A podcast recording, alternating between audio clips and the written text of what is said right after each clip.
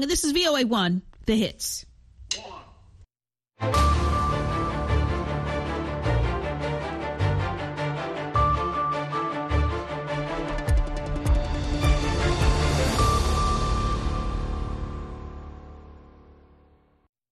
halkani waa washington laanta afka soomaaliga idaacadda v o a oo aad ka dhagaysanaysaan mawjadaha gaagaaban efemyada geeska afrika iyo caalamkao dhan oo aad nagala socotaan v o a somaly com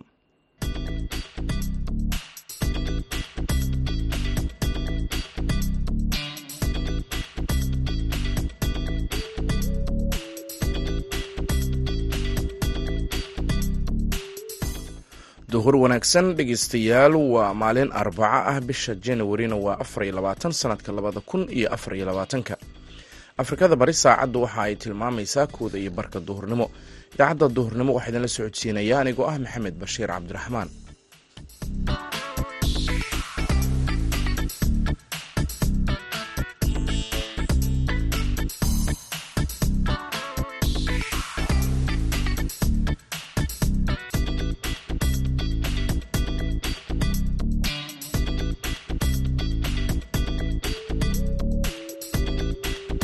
qodobada aad dhegeystayaal idaacaddeenna duhurnimo ku maqli doontaan waxaa ka mid a baarlamaanka soomaaliya oo maanta yeeshay kulan buuq badan uu hareeyey kaasi oo ay ku meel mariyeen wax ka beddelka habraaca wax ka beddelka dastuurka soomaaliya shaqadii baarlamaanka aayadaha qur'aan kariimka la akhriyay iyadoo buuq xoogan uu jiro kadibna guddoonka labada aqal ee joogay fadhiga gaar ahaan guddoomiyaha shir guddoominayay sheekh aadan maxamed sheekh aadan madoobe wuxuu codgeliyey in la ansixiyo ajendaha iyadoo buuqa uu socday kadibna xildhibaanadu gacmaha ayay taageen wuxuuna sheegay in ajenduhu ansax yahay.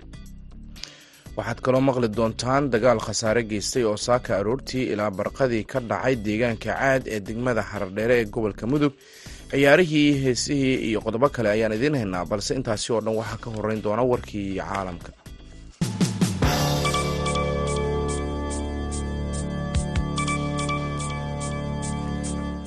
Madaxweynihii hore ee maraykanka donald trump ayaa si fudud ugu guuleystay doorashadii israreebka xisbiga jamhuuriga ee talaadadii ka dhacday gobolka new hampshire isagoo hogaanka u haya tartanka musharaxa xisbiga jamhuuriga ayna tani muujinayso suurtagalnimada in bisha nofembar doorashada madaxweynaha ay mar kale ku baratami doonaan madaxweyne joe biden oo dimuqraadi ah.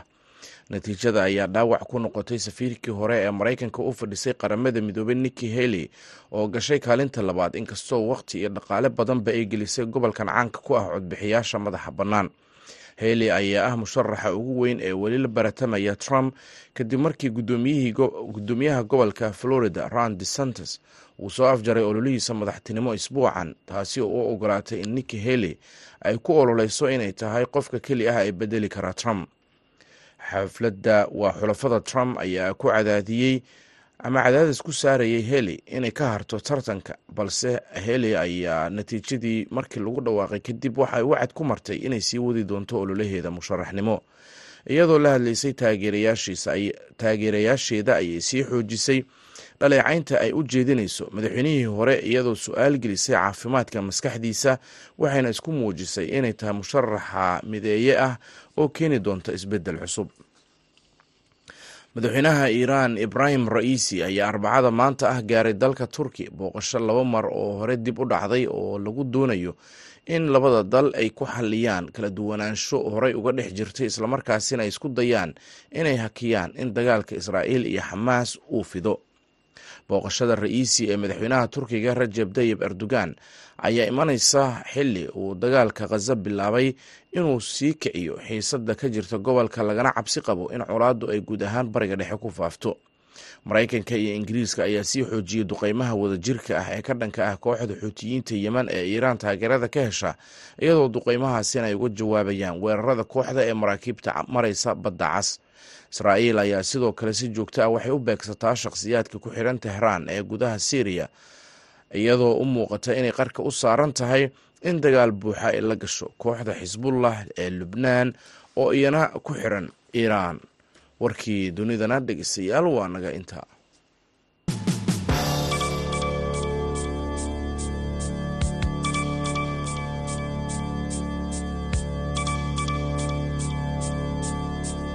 halka dhegeystayaal wararkaasi aad kala socotaan waa laanta afka soomaaliga ee v o a oo si toosa idinkaga imaaneysa washington. Duhur wanaagsan mar kale. Baarlamaanka soomaaliya ayaa kadib kulan buuq badan uu hareeyey. Waxay ansixiyeen ajendaha wax kabedel lagu sameynayo habraaca wax kabeddelka dastuurka soomaaliya. Labada aqal oo wada fadhiya ayaa guddoomiyaha baarlamaanka soomaaliya aadan maxamed nuur aadan madoobe uu sheegay in lagu ansixiyey qodobkaasi boqol iyo siddeetan xildhibaan oo ogolaaday halka soddon kalena ay diideen. Haddaba sidee wax u dhaceen. Arrimahaasi ayuu jamaal axmed cusmaan ka wareystay wariyaha v o a ee muqdisho cabdulqaadir maxamed cabdulle oo fadhiga goobjoog ka ahaa waa mahadsan tahay xildhibaanada labada aqal ee baarlamaanka soomaaliya maanta waxay lahaayeen fadhi wada jir ah oo ka dhacaya xarunta sila hargeysa golaha shacabka. Waxaa hareeya buuq xoogan kadib markii xildhibaano ka tirsan golahu ay diidanayeen ajendaha maanta oo ahaa wax kabedelka habraaca wada shaqeyn ee labada aqal ee baarlamaanka soomaaliya kaasi oo ah hanaanka loo gudbayo odeynta ama wax kabedelka dastuurka kumeel gaarka soomaaliya xildhibaano ka tirsan golaha ayaa guud ahaan waxay isku qoreen halka laga hadlo ee mikrofoonka u yaalay. Waxaana guud ahaan halkaasi ka dhashay buuq gacanka hadal iyo dagaal iyada oo si weyn uu buuq u hareeyo fadhiga golaha. Waxaase xildhibaanada labada aqal fadhigooda wadajirka ahaa guddoonku markuu soo galay uu hore u waday shaqadii baarlamaanka. Aayadaha qur'aan kariimka la akriyay iyadoo buuq xoogan uu jiro kadibna guddoonka labada aqal ee joogay fadhiga gaar ahaan guddoomiyaha shir guddoominayay sheekh aadan maxamed nur sheekh aadan madoobe wuxuu cod geliyey in la ansixiyo ajendaha iyadoo buuqa uu soo kadibna xildhibaanadu gacmaha ayay taageen wuxuuna sheegay in ajendu ansax yahay kadibna wuxuu isla cod geliyey in hanaanka habraaca wax kabedelka labada aqal ee baarlamaanka ku wada shaqeynayaan iyana loo odeeyo xildhibaanadu way u odeeyeen wuxuuna ku dhawaaqay natiijo odeyntii ka soo baxday iyadoo hortiisa ay xildhibaano ka tirsanaan golahu si weyn ugu dagaalamaya buuq xoogan uu jiray wuxuuna sheegay in cod aqlibeedle uu ku gudbay hanaanka habraaca wax kabedelka wada shaqeynta labada aqal ee baarlamaanka taasi oo ujeedku yahay in loo gudbi doono hanaanka wax kabedelka dastuurka kumeel gaarka soomaaliya maadaama hanaankii habraaciisa wejigii koowaad ahaa ee akhrintii saddexaad maraya maanta ay labada aqal ee baarlamaanka ay meel mariyeen. Marka ujeeddaduma waxa weeye in labada aqal ee kan hoose iyo golaha senka ay mar uun wada fadhiistaan dabadeedna ay dastuurka iyo sharciyada kale imaan doonaba ay wada ansixiyaan. Halkii markii hore ahayd in labada aqal marba oo la horgeeyo sharciyada la doonayo in sharci laga dhigo.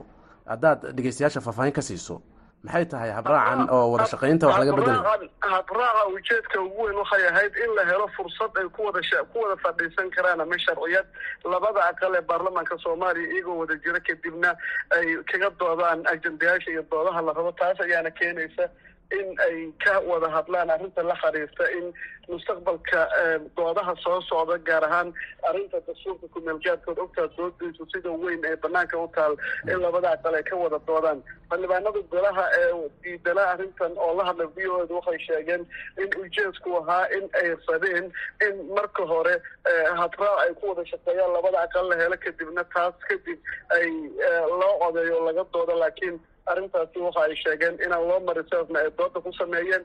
Laakiin xildhibaanada qaarkoodna waxay sheegeen v o eda in ujeedka ay rabeen in ay arrinta la xiriirta ay ahayd in habraaca la hubiyo oo la meel mariyo oo kadibna maaragta arrintaasi xal loo helo. Marka muran weyn ayaa hariya laakiin jamaal ugu dambeyntii habraacii doodu ka tagnaan ajendihii waa la meel bariyey waxaana ku dhawaaqay guddoomiyaha golaha shacabka sheekh aadan maxamed nuur sheekh aadan madoobe.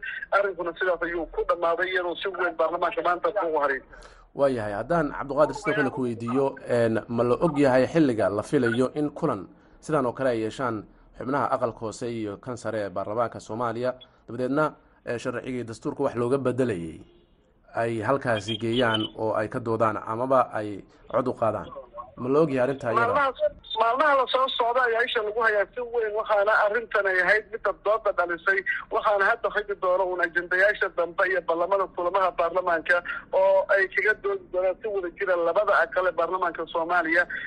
Waktigan lama oga laakiin waxaad og tahay in dowladda madaxweyne xasan sheekh maxamuud ajendayaasha ugu waaweyn ay ka mid joogta wax kabedelka dastuurka kumeel gaarka soomaaliya. Waxaana joogta in hanaanka haykalka dowladnimada wax laga bedelo ay dowlad ay hore u soo ansixiyeen golaha watashii qaran in la geena baarlamaanka ahayd. Haddana habraaci loo mari lahaa ama dhabayaashii ayaa hadda la gaaray oo laysla gartay oo maanta xildhibaanada dooda adag ay joogtay ay ku meel mariyeen marka waxaa la sugayayba waa kulamada soo socda iyo kulamo wada jiro labada aqal ay yeeshaan iyadoo la gudageli doono hanaanka wax kabedelka dib uegista dastuurka kumeelgaarka soomaaliya ujeedka ugu weynna waa arrinta la xiriirta haykalka dowladnimada madaxweyne madaxweyne ku-xigeen meeshan uu ka baxo ra'iisul wasaare meesha ugu dambaysa loo socdo ama doodaha ugu waaweyn ee siyaasiyiintu ay sheegayaan in isha lagu hayo taasoo siyaasiyiinta qaarkood ay diidan yihiin. Kaasina waxa uu ahaa wariyaha v o a muqdisho cabdiqaadir maxamed cabdulle oo u waramayay jamaal axmed cismaan. Markana dhegeystayaal waxaynu ku nasanaynaa heestan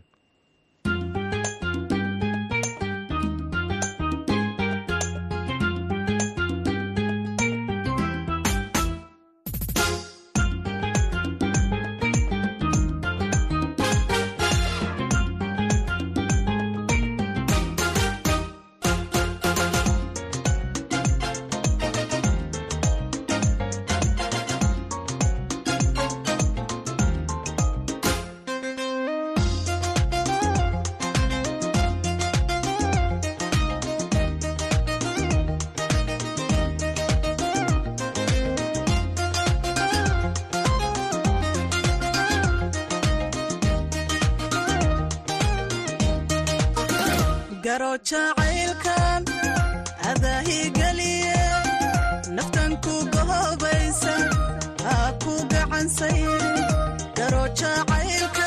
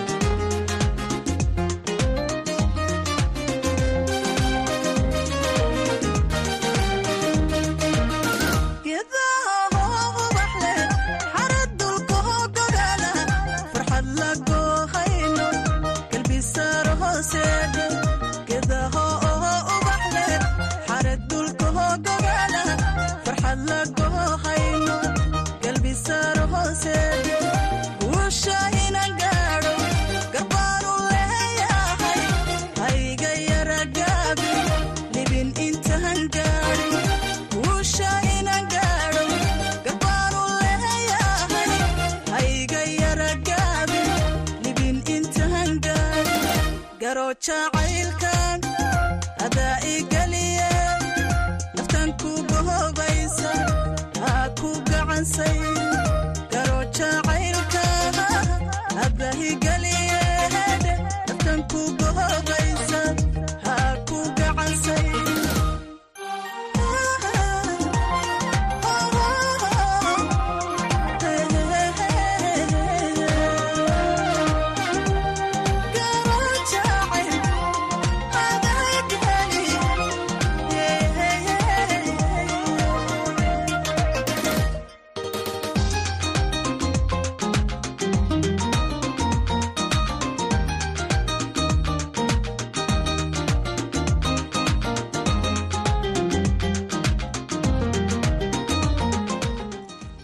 codkaasi ken jaamacaddii dhegeystayaal intaasi kaga gudubno markana galmudug dagaal khasaare geystay ayaa saaka ka dhacay deegaanka caadi ee hoostaga degmada xaradheere ee gobolka mudug. Arrintan waxay ka dambeysay kadib markii kooxda al-shabaab oo deegaankaasi laga qabsaday mar sii horeysay ee weerar halkaasi ku qaaday. Wasiirka amniga ee galmudug maxamed axmed waa maxamed aadan gaboobe ayaa haddaba warka dagaalka faahfaahintiisa uga waramay wariyaha v o a jamaal axmed cismaan dhanka cadowga khawaarijta waxay isku dayayeen inay ciidamada meesha joog gorgor iyo daraawiishta oo hadda ku sugan muxuu ahaa magaalada eecaad in ay weerar ku soo ekeeyeen ciidamaduna way ka warhayeen xogtooda wayna ka warqabeen si fiican bayno jilib ugu dhigeen meeshaasna khasaare xoog leh laga gaarsiiyey cadowgii haddana ciidamadii ayaa ku sugan meesha duqayn iyo dagaalka foolkafoolna intana intaba waa laisugu geysta waa tahay. Marka weerarka goormuu bilowday intaad ka warhaysaanse ilaa iyo goormuu socday? Weerarku wuxuu bilowday waagu markuu beriyey oo aroortii ah salaada subax. Haddana weli kulley xabaddu waa dhacaysaa weli ma dhammaanin. Hadba waa la isku rogaan celinayay. Magaaladaasi gacanta looga dhigay. Magaalada hadda iyaa gacanta ku haya oo caad aad ay saaka shabaab ka soo weeraran ciidamada ciidamadii meesha jooga dowladda gacanta ku haya. Dagaalka marka xaguu ka socdaa ma magaalada gudaheedu ka socdaa mise dibadda magaalada? ay may ayagii baa la sii bacsanaya dibadda magaalo ka socda ayagii lagu sii bacsanaya waa tahay wasiir maxaad nooga sheegi karaysaa khasaaraha ilaayo hadda inta la og yahay ee labada dhinacba soo kala gaaray? Wallaahi horta hore muxuu aha horta hadda waktigan khasaaro rasmiya lagama hadli karo sababtoo a meesha teleefenadeedana aad bay u yar yihiin. Xog rasmiyana laguma muxuu ahaa siin karo. Dhaawacyadii iyo wixii jirana weli dee wax la soo qaaday ama micnaha haddana soo gaaray ma jiraan hadda magaalada wasiil baan joogaa sababtoo ah markii qof meesha joogay uu meesha kaaga waramo ama teleefanada si sahla lagu heli karo ayaa xogta rasmiga la heli karaa. Laakiin yani xogta la heli karo waa xog kooban oo ah qof hal telefoon iyo laba telefoon uu ku baxo. Marka inta xogta aan helnay keliya bes waa midda ku saabsan surveilancega diyaarada hadday noqoto iyo miday noqoto. Telefono dhif dhifo aan ka helnay meesha waa tahay. Waxaad noo sheegtay in duqeymo sidoo kale ay ka dhacayaan. Duqeymuhu ma waxay ka dhacayaan diyaaradaha droniska ee dalalka saaxiibada la soomaaliya ay taageeraan. Mise waa duqeymo kale oo ay geysanayaan diyaarado aan kuwaas ahayn? May waa diyaaradaha hawlba nagala qayb qaadan jiray howlgalada saaxiibada dalalka saaxiibada waxaad noo sheegtaa wasiir waxaa jirtay muddooyinka ugu dambeeyay in ciidanka dowladda kuwa galmudug iyo sidoo kale dadka deegaanka ay guluf colaadeed wadeen.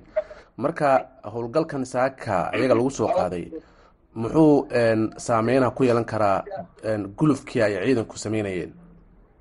Wax saameyna kuma yeelan sababtoo ciidanku awalba waxay meesha u aadeen inay dagaal iyo sifayn ku sameeyeen khawaarijta meelahaas ka dhadhow mar haddii muxuu ahaa ayagiina soo raadsadeenna dee waa ilaahay mahadiis in la soo afjaro. Haddana la sii dabagalo. Waa waxaan rajaynayaa isku daygii ugu dambeeyey ku samayn karaan. Ciidamadan ayuu ahaa. Midkaan oo aadka iskugu soo urursadeen balse waxay kala laabteen guuldarro iyo dhibaatay kala laabteen. Meydadkooda kolley wakti dhow saxaafadda iyo waxaas way soo gaari doonaan haddii alla idmo iyo dhibaatada loo geystay. Markii yani ay noqoto in dhinaca internetka iyo meelahaas la soo gaaro wixii laga soo duubay. Meesha hadda internetna male telefoonkaas unba oo jaamka ah oo aan aad isku micnaha loo heli karin telefoonada ayaa meesha ka jira. Marka kolley wararka warar farxad leh oo shacabka ummadda soomaaliyeed ka farxiyana mar dhow waa soo gaari doona haddii ilaha yidhahdo khasaaraha loo geystay khawaarij kaasina waxa uu ahaa wasiirka amniga ee maamulka galmudug maxamed aadan gaboobe oo khadka telefoonka ugu waramayey jamaal axmed cismaan. Cilmi baaris ku saabsan qurbad joogta iyo kaalinta ay ku leeyihiin gurmadka dadka soomaalida ee ku sugan gudaha soomaaliya ayaa dhibaatooyinka dabiiciga ah ee ay ka dhacaan deegaanadaasi ayaa shalay waxaa lagu qabtay cilmi baaristaasi magaalada nairobi ee dalka kenya. Yaasiin ciise wardheere ayaa warkan noo soo diray maxamed aadan merow xogayaha guud ee jaaliyadda soomaalida ee isli business community oo ka qayb galay seminaarkaasi ayaa waxa weydiiyey bal waxyaabaha halkaa laga soo jeediyey iyo saamaynta dhinaca ay ku leedahay gargaarka ay qurba joogtu u fidiyaan dadka soomaalida. Mararka ay dhacaan maaragtay roobka badan as dhaca mararka maaragtay dagaalaha ay siyaadaan mararka maaragtay jirooyinka ay bataan intaasba maaragtay caawimaad zaa'id ah oo ka baxsan tii qaaska u ahayd ayay aad iyo aad u gudbiyaan. Marka arrimahaasa la isku soo qaaday oo researchkaasna ma dhammaanin weli waa la sii daba socdaa si ay maaragtay wax fiican ay ugu helaan. Faadumo daahir maxamed waxa ay ka mid tahay saddexda cilmi baarista halkan ku soo bandhigaya oo b h d ga ay diyaarisay.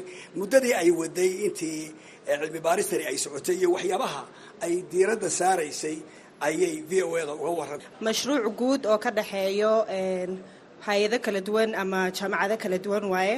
Waxaa ka mid ah jaamacadda university of nairobi institute of development studies uh, raco research oo based in hargeysa rift valley uh, institute iyo jaamacadda denmark uh, copenhagen university iyo institutionka loo yaqaano danish institute for international studies. Marka waxaan fiirinaynaa qorba joog kala duwan waxaa la fiirinaya kuwa ingiriiska joogo tusaale kuwa denmark joogo iyo kuwa weliba africa joogo sidii wadanka zambia iyo wadankan kenya oo nairobi soomaalida ku nool isli marka waxaan fiirinaynaa siday u qabanqaabiyaan oo ay gurmadka u sameeyaan oo lacagaha u aruuriyaan iyo markay ay aruuriyaan siday u diraan. Aniga faadimo ahaan haddaan ahay waxaan ku takhasusaya ama cilmi baaristayda waxay ku saabsan tahay sida maaragtay social mediaha u saameeyo ama loo isticmaalo xilliga maaragtay lacagaha la aruurinayo. Sidii also loo isticmaalo digital money transfer siyaabaha kala duwan oo lacagta loo diro iyo sidii digitalka oo wax oga bedelay sidii hore oo wax loo abaabuli jiray ama loo aruurin jiray ama loo diri jiray. Kaahiya maxamed waxa uu ka mid yahay aqoon-yahanada cilmi baarista muddada dheer ku jiray lana shaqeeya ama howlaha la wadaaga hay'adan rift valley institute iyo hay'ado kale. Waxaanu isaguna ka qayb galay kulankaasi waxaana uu v o eda uga warramay bal lacagahan qurbaha laga soo diro ee ay jaaliyadaha dibaduhu ay bixiyaan ee loo sheego inay yihiin kuwa dhinaca biniaadanimada qaabilsan kuwana ay gargaar yihiin qaarna leeyihiin maya siyaasad baa ka dambaysa. Sugnaantooda inay yihiin kuwa meelo khaldan lagu diro iyo inay yihiin kuwa dadka loogu gargaarayo. Marka u horreysa lacagaha dibadaha laga soo diro hadday ahaato yurub america canada lacagaha iyada dadka aad bay maaragtay u caawiyeen. Shakhsiyaad baahan oo maaragtay qoysaskii bay galayeen household level. Lacagtaa marka waa mid loogu talagalay dadka masaakiinta. Aan awoodin noloshii inay wax ka tarta wayna maaragtay way anfacday waana lacag loo baahan yahay. Runtii saamaynteedana aad baa loo dareemaya haddii oo maaragtay la joojiyo dad badan oo aan dab shidanaynin baa jira. Marka haddii la siyaaseeyo waxaa la dhihi jiray ma fiicno. Way dhici kartaa in la yidhaahdo lacagtaa dad qaldan bay gacanta u gashay. Marka dadkii lacagta diray oo masaakiinta ugu talagalay waxay rabeen inay maaragtay lacagtaa lagu noolaado. Marka hadday jirta gaab yar ama dad kaloo ku soo dhex dhuuntay dowladda meeshaa joogtaa la rabaa inay kala saarta dadka qaldan ee lacag si xun u adeegsanaya iyo dadka masaakiinta u adeegsanaya. Waa la kala saari karaa. Dadka aqoon-yahanka ee halkaasi ka qayb galay ayaa waxa ay aad hoosta uga xariiqayaan inay jiraan qaar ka mida siyaasiyiin doonaya in ay dhinaca bini'aadanimada ku gargaaraan dadka si ay kuraas ku helaan taasi oo mararka qaarkood ay dhici karto qofkii lacagta ku soo galay baarlamaan ama madaxtinimada soomaaliya in aanu dib ugu soo noqon dadkiisa. Balse sida aqoon-yahanadu ay tilmaamayaan ay tahay howl u badan dhinaca bini'aadanimada oo soddonkii sane la soo dhaafay balaayiin doolar ay sanad walba dirayaan taasi oo ka mid ah howlihii ay qaban lahaayeen dowladaha oo ay jaaliyaduhu qabtaan ciise wardheere v o a nairobi.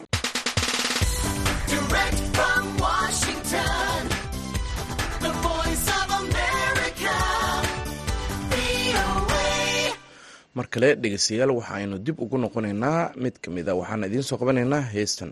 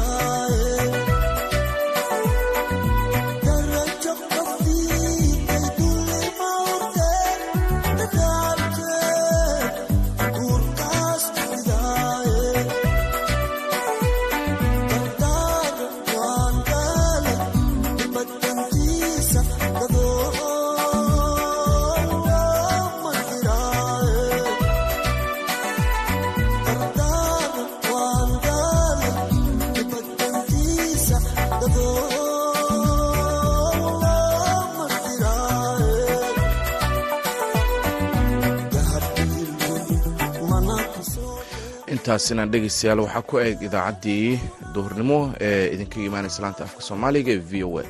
Tan iyo kulantii dambe dhammaanteenba waxaan idin leenahay nabadgelyo